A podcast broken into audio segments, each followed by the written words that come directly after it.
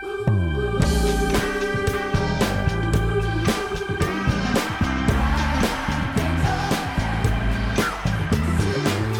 har altid defineret os selv som øh, byens musikforening. Hvilket skulle forstås på den måde, at vi øh, havde til opgave at præsentere musik for alle aldersgrupper.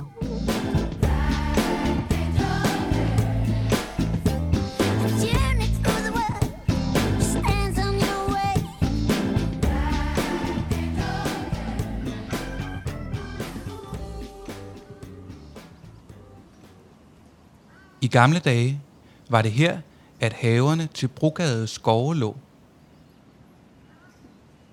Og tilbage i 1658, da svenskerne invaderede Danmark, og de opslog et kvarter i Køge, som de befæstede med volde og voldgrave, kom en af deres 11 bastioner til at ligge netop her.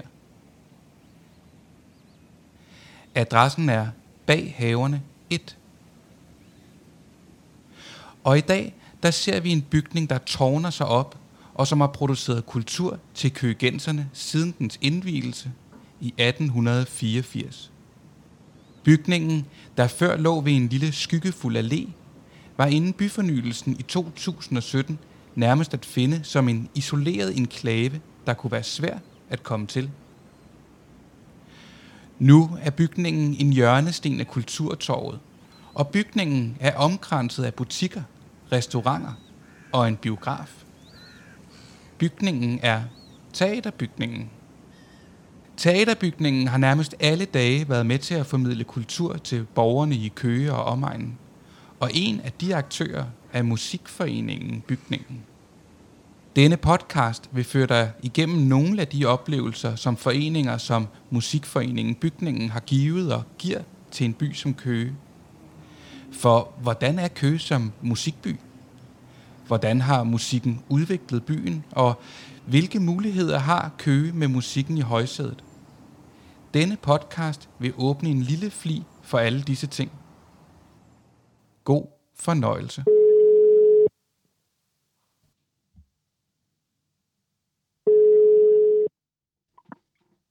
Mit navn det er Jens Peter Halborg, og jeg har, øh, jeg har eksisteret i Køge, kan man sige, siden aktivt siden 2001, hvor jeg blev ansat som leder af teaterbygningen, og dermed også kom i forbindelse med Køges Musikliv. I 2001-2002 øh, blev jeg aktiv i Køges Musikliv på teaterbygningen og i Musikforeningen Bygningen. Teaterbygningen er jo pragtfuld øh, spillested, der til forskel på mange af de nye spillesteder jo har en helt anden ånd og og tone, hvis man kan udtrykke det på den måde. Fordi teaterbygningen har den der, den der historiske øh, profil og kontekst, man kommer ind i, hvor, hvor musikerne ofte fortæller, når de kommer til et, øh, et nyt spillested i en stor by, så kan de sgu rigtig huske at se, hvor de er henne, fordi det er beton og glas ofte de fleste steder. Og det er det jo ikke, når man kommer ind på teaterbygningen. Men, men det har stadigvæk en karakter af noget hyggeligt og noget provincielt i jordens, jordens bedste betydning. Det var lige det, som øh, jeg drømte om, at, at kombinere et job med, med aktiviteter for øh, byens befolkning i almindelighed, altså være hjemsted for byens foreninger, og så selv være med i udviklingen af det kulturelle tilbud, som Musikforeningen Bygningen jo var.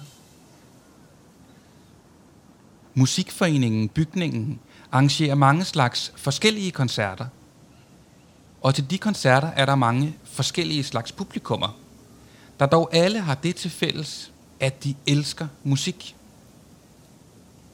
En af dem, det er Ulf. Jeg hedder Ulf. Jeg er 57 år. Jeg øh, er direktør i øh, Holdship Danmarks øh, skibsmætterafdeling, øh, lastning og losning af skibe i, i Køge og Sjælland. Jeg elsker levende musik. Øh, jeg, jeg kan godt øh, tage ind og, og se noget Shostakovich og få en kæmpe oplevelse ud af det. Jeg kunne aldrig finde på at sætte det på derhjemme. Jeg kan tage ud og se noget eksperimenterende jazz, få en kæmpe oplevelse ud af det, men kunne aldrig finde på at spille det derhjemme.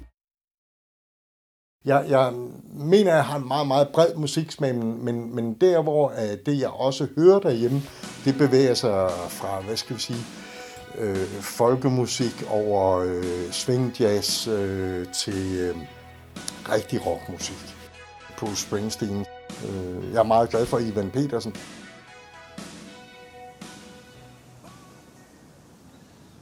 Men hvad med byen Køge? Hvad for en slags by var det dengang Jens Peter og Ulf var yngre? Og hvilken musik kunne man opleve? Og ikke mindst, hvor kunne man opleve den? Dengang var, var Køge meget industripræget. Man havde stadigvæk den fantastisk charmerende bymidte jo, ikke? Hver gang vi kom hjem, så vi godt lugte, at nu var vi ved at være hjemme, ikke? fordi vi passerede Køge. Men øh, det var sådan en meget sødlig, øh, sjov lugt, øh, og det er jo væk nu, heldigvis. Dengang var der jo stadigvæk nogle af caféerne oppe i byen og så videre, som, øh, som faktisk havde orkester inden en gang imellem. Ja, så var der byens diskoteker, som en gang imellem hævde en artist ind til noget playback. Der var også det gamle kommunisthus på Tangmosevej. Kommunisthuset var, var, var meget aktiv med, med fester og musik, levende musik og den danske, fra den danske scene. Ritz, øh, som det blev til, der har jeg da været nogle gange, hvor der også har været levende musik, men typisk måske ikke øh, den type musik, jeg, jeg så mest af. Det var sådan mere sporadiske aktiviteter, der foregik. Øh, det var spillemandsmusik og, og sådan noget, der var organiseret på øh, teaterbygningen. Jeg har mig for at være med til at gå til den udvikling, der, der betød, at teaterbygningen i højere grad var med til at planlægge, udvikle og afvikle aktiviteter, som for eksempel musikken.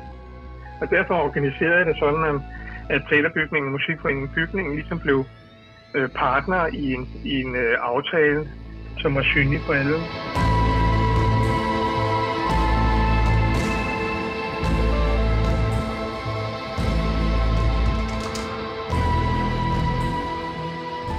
Tapperiet har mange øh, lidt alternative øh, koncerter. Øh, bygningen har lidt mere mainstream, kan man sige.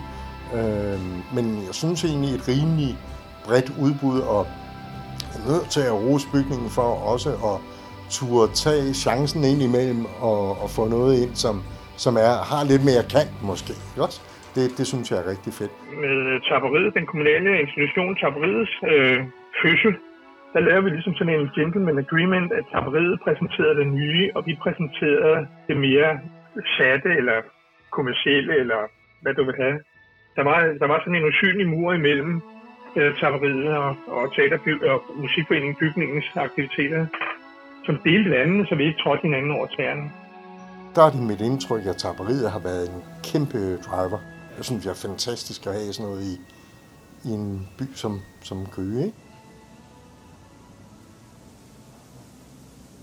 Men hvad med fremtiden og musikken i Køge? Hvad med samarbejdet mellem spillestederne? Og har byen Køge egentlig de spillesteder, som en by af Køges størrelse bør have?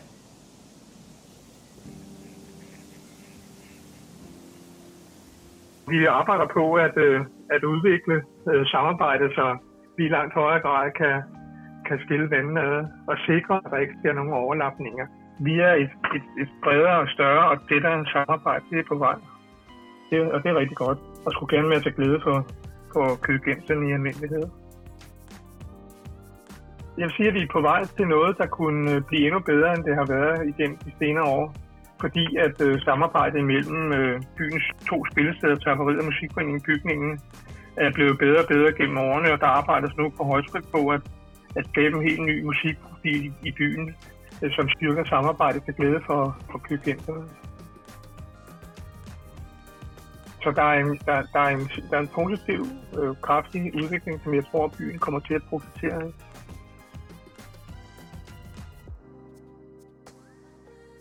Man er nok nødt til at, at, at acceptere, at det er en kendskærning, at, at Køge har, har næsten været for succesfuld med, med alle de øh, mange projekter, vi er gået efter. Ikke også?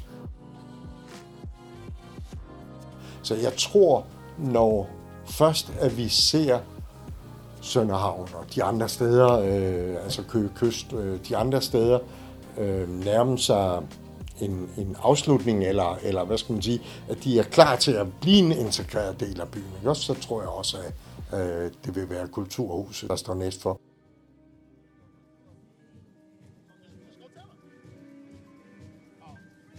Så jeg tænker, at det kunne være fint, hvis vi kunne have et kulturhus, hvor vi kunne være en, en, en 1000 plus minus øh, stående øh, gæster, og der kunne være en, en øh, 500-600 siddende. Det, det, kunne være, det kunne være spændende. Jeg tror, at byen den bliver jo større og større hele tiden. Altså hele øh, Sønder- havneområdet, der udvikler sig nu, øh, hvor der, så vidt jeg ved, skal komme til at bo en 5-6.000 mennesker. Hele Køge Nord, der kommer masser af mennesker til Køge, som har behov for kultur. Og vi ved fra undersøgelser, at et rigt kulturliv er med til at skabe glæde af borgere, men også skabe interessen for at flytte til en by, fordi at kulturlivet er stedet og mangfoldigt.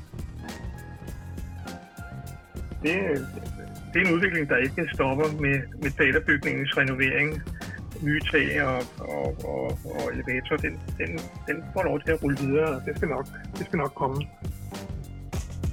Og der kommer lidt penge i kassen igen.